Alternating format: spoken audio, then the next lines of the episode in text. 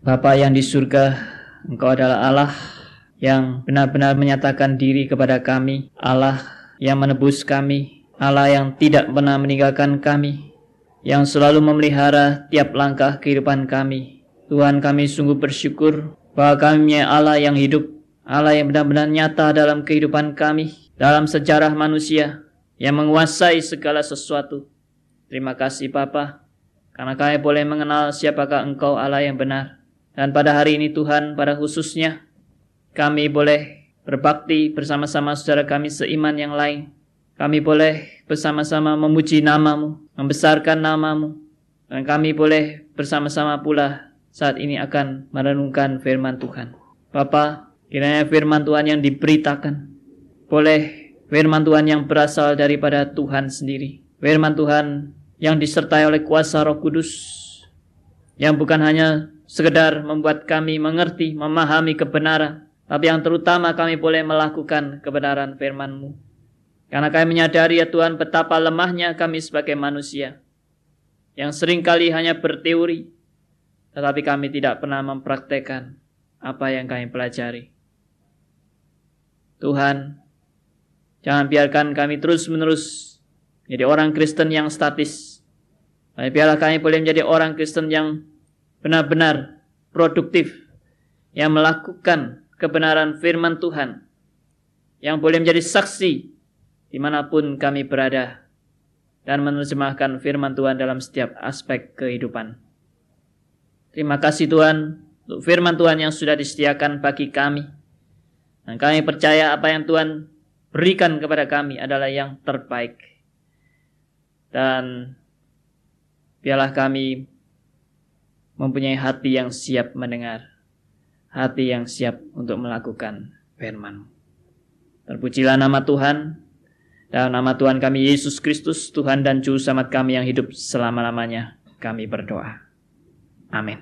Jemaat yang kasih Tuhan, kita tetap melanjutkan khotbah tentang doa Bapa kami dan kita masih membahas akan bagian doa Bapa kami yaitu jadilah kehendakmu di bumi seperti di sorga. Mari kita membaca bagian daripada firman Tuhan yang terambil dari surat Kolose pasal 1 ayat 9 sampai ayat ke-14. Kolose pasal 1 ayat 9 sampai 14 demikian firman Tuhan. Sebab itu, sejak waktu kami mendengarnya, kami tiada berhenti-henti berdoa untuk kamu. Kami meminta supaya kamu menerima segala hikmat dan pengertian yang benar untuk mengetahui kehendak Tuhan dengan sempurna. Sehingga hidupmu layak di hadapannya, serta berkenan kepadanya dalam segala hal, dan kamu memberi buah dalam segala pekerjaan yang baik dan bertumbuh dalam pengetahuan yang benar tentang Allah. Dan dikuatkan dengan segala kekuatan oleh kuasa kemuliaannya untuk menanggung segala sesuatu dengan tekun dan sabar. Dan mengucap syukur dengan sukacita kepada Bapa yang melayakkan kamu untuk mendapat bagian dalam apa yang ditentukan untuk orang-orang kudus di dalam kerajaan terang. Ia telah melepaskan kita dari kuasa kegelapan dan memindahkan kita ke dalam kerajaan anaknya yang kekasih. Di dalam dia, kita memiliki penebusan kita, yaitu pengampunan dosa. Berbahagialah kita yang dengan setia tidak hanya rajin belajar membaca firman Tuhan, tetapi juga rajin belajar melakukan kebenaran firman-Nya. Saudara, kalau kita mengatakan jadilah kehendakmu di bumi seperti di sorga. Yang menjadi masalah yang perlu kita gumulkan saat ini, apakah kehendak Tuhan sudah kita mengerti? Kalau kita sudah merelakan kehendak Tuhan silakan jadi, tetapi apa itu kehendak Tuhan? Karena sering kali orang menerjemahkan bahwa dengan kita mentaati kehendak Tuhan itu berarti kita pasrah habis-habisan dalam arti bersifat pasif. Kalau di dalam bahasa Jawa, Surabayaan, pasrah, bongkoan. Saudara, apakah kita kalau menyatakan kepada Tuhan, jadilah kehendakmu di bumi seperti di surga? Ya sudah, saya tidak usah berbuat apa-apa, saya tidak usah berusaha apa-apa, saya tidak usah belajar apa-apa. Ya terserah kehendak Tuhan. Saya tidak usah bekerja, saya tidak usah berusaha, terserah kehendak Tuhan. Apakah itu benar? Jelas tidak. Firman Tuhan mengatakan kepada kita sekalian, bahwa dengan kita mengatakan menyerahkan segala sesuatu kepada kehendak Tuhan bukan berarti orang Kristen diajar untuk tidak bertanggung jawab bahwa aspek tanggung jawab tetap dituntut dari Tuhan supaya kita belajar benar-benar hidup melakukannya di hadapan Tuhan. Saudara, dalam pengalaman hidup saya, bagaimana saya ingin mengerti kehendak Tuhan saya mengalami masa-masa yang cukup unik. Suatu saat saya memikirkan, bagaimana orang bisa sungguh-sungguh mengerti kehendak Tuhan. Oh, pengertian saya adalah orang yang mengerti kehendak Tuhan itu ya langsung saja tanya Tuhan. Kita kalau mau berbuat apa hari ini, ya tanya sama Tuhan. Tuhan, saya hari ini harus berbuat apa? Kalau kita mau belanja, kita jalan-jalan ke toko, kita juga tanya kepada Tuhan. Tuhan hari ini aku harus belanja apa? Kita mau ke pasar, Tuhan saya harus beli apa ini? Di pasar banyak barang ini. Karena kita harus mengetahui kehendak Tuhan, maka setiap langkah kehidupan kita, kita harus tanya. Bahkan kalau kita mau mandi pun mungkin perlu tanya kepada Tuhan. Tuhan, sudahkah saatnya kita perlu mandi saat ini? Sudah pernah tanya kepada Tuhan gitu? Nggak pernah ya? Masa mandi aja mesti tanya? Ya. Tapi kalau misalnya ada seorang mahasiswa yang ingin masuk sekolah Alkitab. Dia dari misalnya teknik sipil. Lalu ingin berbalik 180 derajat masuk sekolah Alkitab. Waduh, bergumul setengah mati. Dengan usahanya luar biasa dia ingin bertanya kepada Tuhan. Tuhan, apa yang menjadi kehendakmu? Satu pihak, dalam peristiwa-peristiwa tertentu kita ngotot tanya sama Tuhan. Tapi di satu pihak yang lain, kita merasa tidak perlu tanya. Saya sudah tahu. Saudara, sampai di mana kita perlu mengerti kehendak Tuhan. Sampai di mana kita perlu memahami kehendak Tuhan.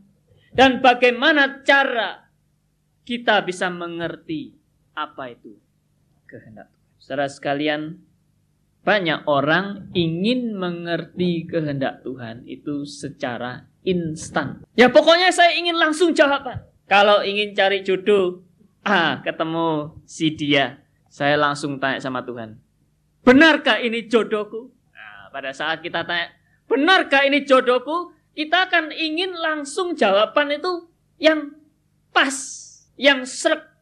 Tuhan kita tuntut untuk menjawab, ya benar ini jodohmu. Ah, kita lega ya toh, wah langsung santap saja, gitu ya langsung tabrak saja begitu ya. Kalau Tuhan bilang, tidak, ini bukan jodohmu. Oh ya sudah, saya tidak akan berusaha apa-apa. Karena jawaban Tuhan itu begitu instan. Saudara mau bisnis, bagaimana cara tahu kehendak Tuhan? Ini bisnis ini dikehendaki Allah atau tidak? Ingin jawaban langsung. Berdoa semalam suntuk. Minta jawaban. Kalau Tuhan bilang, ya boleh. saya akan jalankan bisnis. Kalau Tuhan bilang tidak, ah ya tidak jadi. Saudara, apakah seperti itu? Lalu ada orang bertanya, masa Tuhan tidak bisa menjawab seperti itu hari ini? Tuhan kita kan bukan Tuhan yang bisu. Bukan Tuhan yang tidak bisa bicara. Kita mengerti dan memahami Allah kita adalah Allah yang hidup. Allah yang berkarya dan bekerja sampai hari ini. Mengapa dia tidak bisa langsung berbicara kepada kita? Saudara, kalau dikatakan demikian, maka jawabnya jelas.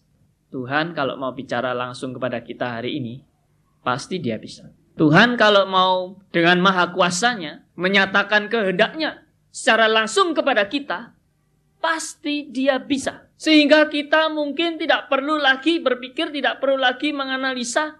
Kita langsung saja tanya semua hal kepada dia. Allah memang mampu menjawab. Sampai tadi saya katakan misalnya kita perlu belanja apa, itu pun Tuhan bisa jawab kok. Tuhan, di sebelah kiri saya ada kates.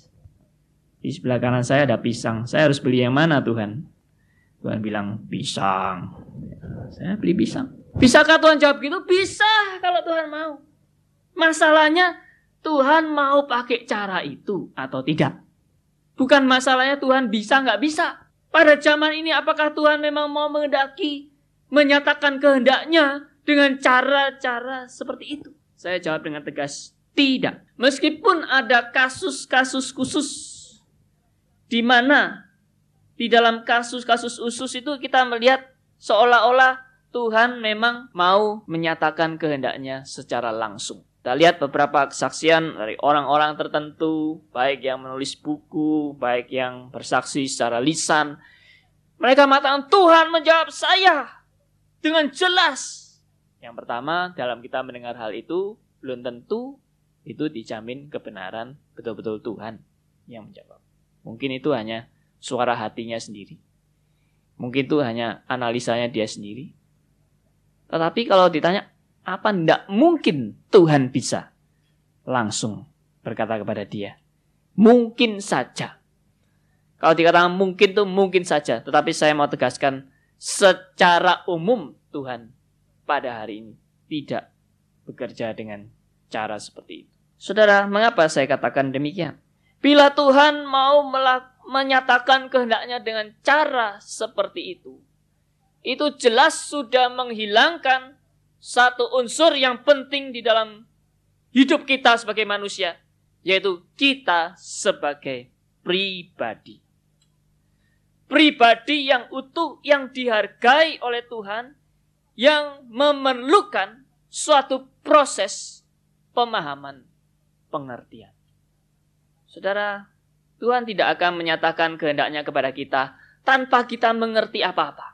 Jadi kita dianggap seperti robot yang saudara tidak perlu bergumul, saudara tidak perlu menganalisa, saudara tidak perlu memahami, sudah pokoknya Tuhan bilang gini, nurut. Nah, itu persis seperti kalau orang tua bicara kepada anaknya tanpa mau mengajak anaknya berunding, Pokoknya kata orang tua, turut. Tidak usah pikir. Nah, ini kurang menghargai seseorang sebagai pribadi yang utuh. Tuhan tidak menghendaki kita seperti itu. Tuhan menghendaki supaya kita memahami kehendak Tuhan itu dengan kita menggumuli. Kita mempertimbangkan kita memahami beberapa pengertian-pengertian dasar. Kita melihat itu di dalam konteks kebenaran firman Tuhan. Dan kita mengambil keputusan.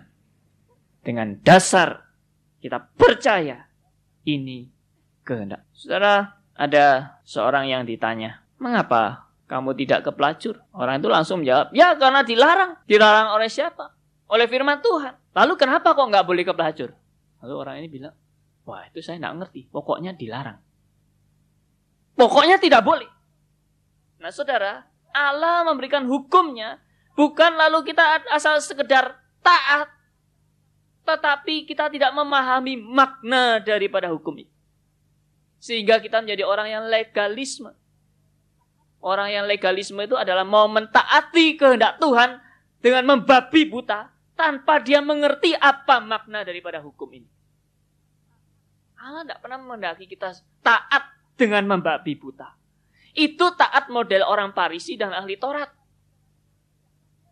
Orang Parisi dan ahli Taurat itu tidak mengerti makna hukum. Pokoknya saya taat. Sampai taatnya berkelebihan dan sampai taatnya jadi ekstrim dan bahkan taatnya ini dibenci oleh Tuhan Yesus. Heran bukan? Tuhan Yesus membenci ketaatan. Orang Paris itu berusaha taat, berusaha sungguh-sungguh mau uh, menepati segala hukum yang ada. Dia berjuang untuk itu. Tetapi dia taat dengan membabi buta. Dia taat dengan tidak mengerti kebenaran. Pokoknya hukum mengatakan ini, saya mau taat. Saudara, apa maksud Allah memberikan hukum? Tadi dikatakan, saya tidak mau ke pelacur. Karena ada hukum, jangan berzina. Saudara, tetapi sebetulnya firman Allah memberi kita pengertian. Kita sebagai manusia supaya diberi pengertian. Hukum itu diberikan dengan landasan kebenaran apa. Dikatakan dalam firman Tuhan dengan tegas bahwa tubuhmu itu bait Roh Kudus. Bahwa kamu bukan milik kamu sendiri. Hidupmu sudah dibeli. Harganya telah lunas dibayar. Karena itu muliakanlah Allah dengan tubuhmu. Ini suatu pengertian yang diberikan. Kenapa orang Kristen tidak boleh berzina? Bukan karena sekedar, oh ada hukum ini ya saya taat. Sehingga banyak orang-orang legalisme saat ini yang mengikuti hukum-hukum tambahan yang diberikan oleh pendetanya. Misalnya, orang Kristen tidak boleh nonton bioskop. Cumanya semua akhirnya nurut, tidak mau nonton. Lalu diajak temannya, ayo nonton. Ya ini filmnya bagus. Tidak. Lo mengapa? Ini filmnya nanti kalau kamu nonton ini, kamu bisa mengetahui dunia pendidikan, bagaimana mendidik anak dengan baik. Ini film sangat bermutu. Tidak. Lu kenapa tidak? Pendetaku yang mengatakan tidak. Saudara, dia mengatakan tidak dengan tanpa pengertian. Tanpa pemahaman. Tanpa pergumulan dari dirinya sendiri seorang wanita yang pada saat dia bergumul tentang pacarnya. Dia bertanya kepada pendetanya, Pak pacar saya ini dia belum Kristen. Tapi kami sudah terlanjur membina hubungan demikian dalam. Bagaimana? Saya harus melakukan apa? Lalu pendetanya mengatakan, putus! Gak ada kompromi apa-apa. Firman Tuhan dengan tegas mengatakan, apa hubungannya antara kamu sebagai anak Allah dengan Belia? Lalu dia mendengar perintah pendeta yang seperti itu, dia langsung, oke, okay, saya putus. Langsung dia putus. Tetapi saudara, apa yang terjadi setelah hubungan itu, itu langsung putus? Dia mengalami kekoncangan yang hebat frustrasi hebat. Dia tidak siap menghadapi putus hubungan dengan pacar. Sehingga dalam frustrasi, depresi yang begitu berat, teman-temannya menghibur dia. Dia sama sekali tidak bisa terhibur. Dan temannya tanya, mengapa kamu saya begitu stres dan berat? Ya, saya putus dengan pacar saya, katanya. Loh, mengapa kamu putus dengan pacarmu? Ya karena saya disuruh putus. Lah kamu kok mau? Ya itu pendeta saya. Saudara, sehingga apa yang dia lakukan ini bukan pergumulannya dia sendiri. Bukan analisanya dia sendiri, bukan tanggung jawabnya dia sendiri, tetapi karena disuruh. Dengan membabi buta, dia melakukan itu tanpa mengerti kebenarannya apa.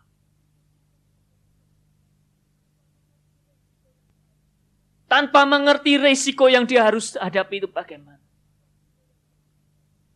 Mentaati dengan membabi buta adalah sama dengan tidak taat. Saudara, mengerti kehendak Tuhan. Bukan sekedar saya mau mengikuti huruf-huruf dalam Alkitab secara apa adanya. Itu saya mau taat. Tidak. Tuhan mau memberi kita suatu pengertian dengan peng, demi pengertian yang makin lama makin dalam. Saudara sekalian, inilah bedanya orang yang mencari kehendak Tuhan secara alkitabiah dengan orang yang mau mencari kehendak Tuhan di dukun-dukun atau suhu-suhu sakti atau kelenteng atau cara-cara lain. Di mana itu menjanjikan cara-cara instan. Saudara mau tanya apa langsung dijawab. Dengan jelas, tanpa pergumulan, tanpa analisa, tanpa pengertian yang benar. Inilah beda pekerjaan Allah dan pekerjaan iblis. Di mana iblis sering dan senang sekali memberikan secara instan. Tapi Tuhan justru ingin membentuk saudara dan saya di dalam proses demi proses. Saudara sekalian, ada seorang mahasiswa sekolah teologi di Surabaya ini, dia belajar tentang doktrin Allah. Dia diajar bahwa Allah itu maha kuasa. Allah itu maha pengasih. Allah tidak pernah meninggalkan kita. Allah selalu memberikan yang terbaik untuk saudara. Dia memahami semua itu secara teori. Dan dia belajar di sekolah teologi ini dia dapat nilai A, A, A. Mahasiswa top. Dia mengerti tentang Allah. Tapi kemudian saudara apa yang dialami? Yang dialami akhir tiba-tiba dia mengalami suatu hal yang sangat menyakitkan dirinya. Yaitu dia putus hubungan dengan pacarnya. Pada saat dia mengalami putus hubungan dengan pacar, dia betul-betul mengalami kegoncangan yang hebat. Katanya Allah Maha Kasih. Mengapa orang yang paling saya sayangi, dia meninggalkan aku? Dia tidak terima di hadapan Tuhan. Dia protes di hadapan Allah. Mengapa Allah yang saya kenal, dia katanya Allah yang menyertai, Allah yang tidak pernah meninggalkan, Allah yang memperhatikan, mengasihi. Sekarang membiarkan aku dalam keadaan seperti ini. Saudara, antara pengertian, pengetahuan dengan apa yang dialami, dengan apa yang dia hayati, itu berbeda. Orang tahu teori itu gampang. Tetapi kalau mengalami segala hal yang tiba-tiba menyakitkan dirinya, dia akan timbul konflik antara pengetahuan dan kenyataan yang ada. Benarkah kalau Allah mengasihi, dia bisa mengambil orang yang saya kasih? Benarkah kalau Allah mengasihi, dia membiarkan aku gagal? Saudara, sekali lagi. Tuhan caranya menyatakan kehendaknya kepada kita melalui proses dia mendidik saudara dan saya. Bukan pakai cara-cara instan itu. Sama sekali tidak.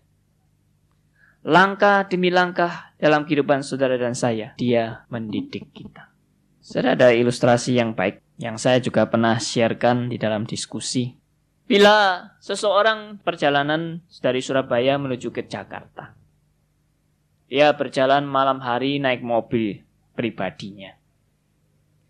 Maka bagaimana dia dari Surabaya menuju ke Jakarta bisa sampai?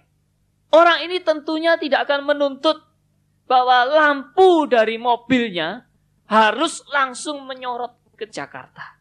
Dia cukup menuntut bahwa lampu mobilnya menyala dan menyalanya itu cukup menyoroti persis di depan mobilnya dia. Sehingga menerangi jalan di depannya.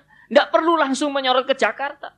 Kalau lampu itu mobil harus terus menerus ke arah Jakarta terus malah tambah konyol. Mobil ini harus belok kiri, lampunya nyorot ke Jakarta terus. Ya, malah tambah nabrak. Lampu ini cukup di depan mobil. Step by step.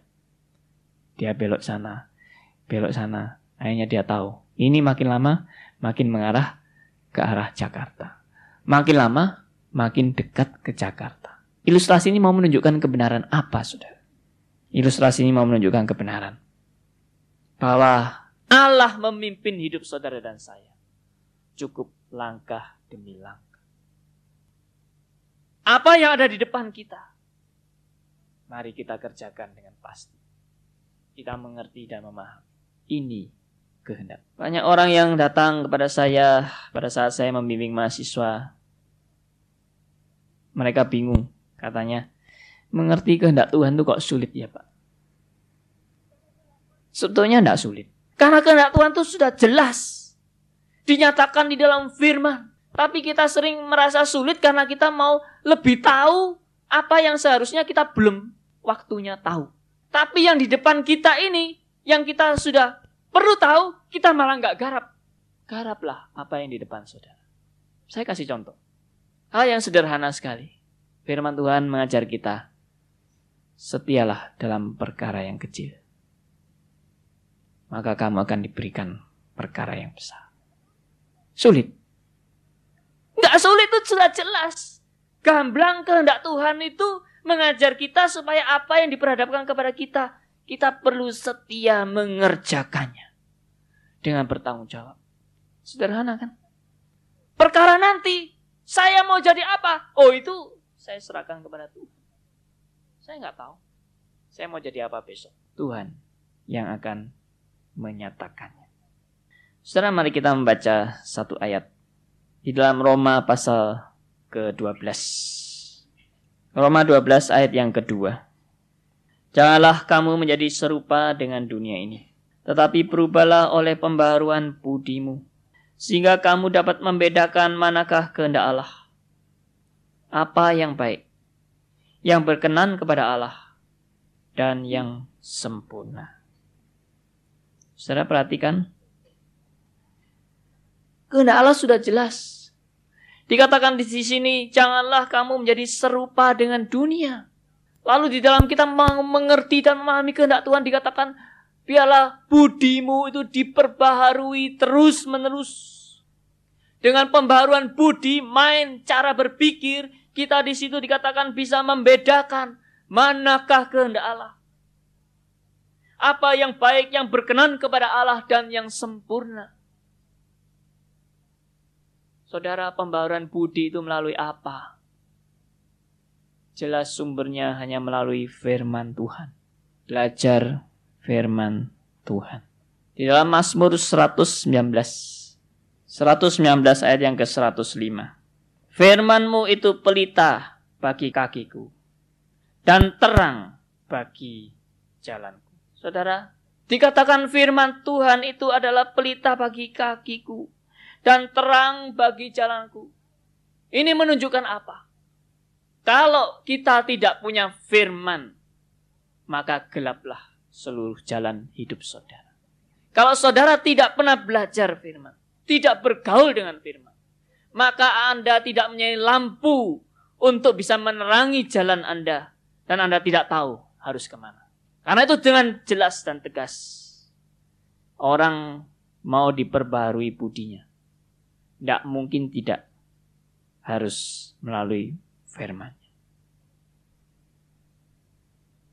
Saudara sekalian, karena itu bagaimana kita boleh mengerti kehendak Tuhan? kita mau tidak mau kembali kepada belajar firman Tuhan. Dan memang kehendak Tuhan itu adalah kehendak yang terbaik. Dia mendidik kita melalui langkah demi langkah, proses demi proses. Kita makin mengerti akan kehendak. Saudara, apa yang dialami oleh perempuan tadi yang ditinggal oleh pacarnya? Dia waktu itu sharing dengan saya. Saya waktu itu malah kegoncangan hebat. Dan saya tidak memahami apa yang menjadi kehendak Tuhan sampai saya harus putus dengan pacar saya. Waktu itu saya katakan, ya, yang pasti. Yang menjadi kehendak Tuhan adalah supaya kamu belajar. Apa arti Tuhan mengasihi kamu? Apa arti Tuhan menyertai kamu? Kalau orang hanya memahami Tuhan menyertai kita, ya Tuhan menyertai kita. Kalau kita lagi sukses, kita lagi untung, kita lagi sehat, memang gampang bilang Tuhan menyertai. Betul kan? Tetapi kalau kita lagi sakit, kita lagi gagal usaha kita lagi mengalami malapetaka demi malapetaka. Dapatkah kita mengatakan, tetap mengatakan, bahwa Tuhan menyertai kita? Saudara, perempuan ini akhirnya menyadari, ya, saya memahami. Setelah Tuhan mengizinkan saya mengalami penderitaan demi penderitaan ini, saya justru makin dikuatkan dan makin memahami apa yang dulu saya dengar secara teori sekarang saya harus alami secara kenyataan.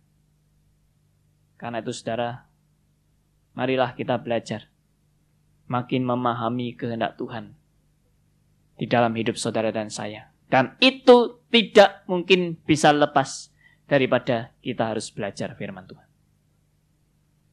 Karena itu saudara, jemaat yang bertumbuh di dalam gereja. Bukan jemaat yang lalu pasif-pasif saja. Diam-diam saja. Ya, atau mengikuti kegiatan seminggu sekali saja. Atau belajar firman Tuhan, atau baru buka Alkitab seminggu sekali. Yaitu kalau pendetanya khotbah. Tidak. Tetapi jemaat yang bertumbuh adalah jemaat yang um, yang terus menerus mau belajar firman dengan setia.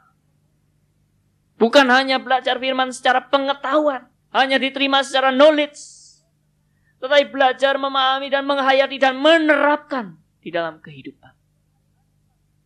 Inilah jemaat yang bertumbuh. Tanpa jemaat mau belajar firman Tuhan sungguh hidup Anda dan saya akan gelap. tanpa kita mau kembali kepada kebenaran firman. Maka kita tidak bisa mengatakan firmanmu adalah pelita bagi kakiku, terang bagi jalanku. Tidak bisa. Mari saudara, kita mengatakan Tuhan kehendakmu jadilah. Tapi saya juga mau belajar memahami kehendakmu. Bukan bilang kehendakmu jadilah, ya sudah, jadi Kehendak Tuhan apa? Tidak tahu. Tapi kehendakmu jadilah.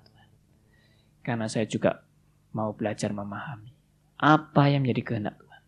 Dan yang menjadi kehendak Tuhan itu adalah yang terbaik. Apa pun itu yang terjadi. Saudara, terakhir saya akan menutup dengan satu ilustrasi. Mana ilustrasi ini sebetulnya adalah ilustrasi yang sudah pernah saya khotbahkan, tapi saya ingin mengingatkan kembali bahwa inilah yang memang terbaik buat saudara dan saya. Saudara, ada sebuah lokomotif. Ya, ini ceritanya cerita dari sebuah traktat. Lokomotif ini digambarkan sedang berjalan di atas rel dengan dia tersenyum. Lalu dia melewati sebuah padang rumput hijau yang luas. Di atas relnya dia berjalan. Lalu lokomotif ini melihat kiri dan kanan. Dia lalu melihat, wah, indahnya bukan main. Padang rumput hijau yang luas. Lalu dia melihat ada kuda berlari-lari, ya. Ada kambing berlari-lari, ada anjing berlari-lari. Dia melihat, wah, menyenangkan sekali ini. Saya ingin berlari-lari seperti itu. Saya ingin menjadi seperti kuda itu. Saya ingin menjadi seperti anjing itu. Saya ingin berlari ke mana kemari, ke sana kemari. Lalu dia berusaha untuk mau berlari-lari. Dia loncat. Dan apa yang terjadi pada saat dia loncat dari rel itu? Maka memang betul dia bisa meloncat-loncat. Tapi akhirnya dia loncatnya itu terguling-guling. Dan akhirnya menggeletak. Pada saat dia menggeletak, diperlihatkan wajah daripada lokomotif itu begitu sedih. Dan dia mencucurkan air mata. Tidak bisa berkutik. Saudara sekalian, Tuhan menyediakan bagi saudara dan saya suatu rel jalan yang terbaik untuk saudara dan saya. Kalau saudara tidak terima, saya tidak suka ini. Saya mau jalan sendiri. Saudara akan bernasib seperti lokomotif itu. Tetapi saudara, meskipun di atas rel ini, kelihatannya kita tidak bebas. Kelihatannya kita tidak bisa berkutik, tidak bisa lari ke sana kemari. Tetapi itu bagi lokomotif jalan yang terbaik. Meskipun saudara mengalami banyak hambatan di dalam kehidupan saudara. Saudara menghadapi banyak masalah, banyak pencobaan. Tetapi bagi seorang anak Tuhan, itu jalan yang terbaik yang Tuhan berikan kepada saudara dan saya. Maukah kita taat kepada kehendak Tuhan dan belajar memahami apa yang menjadi kehendak Tuhan? Kita akan berbahagia dan mengalami kebahagiaan yang sejati. Amin.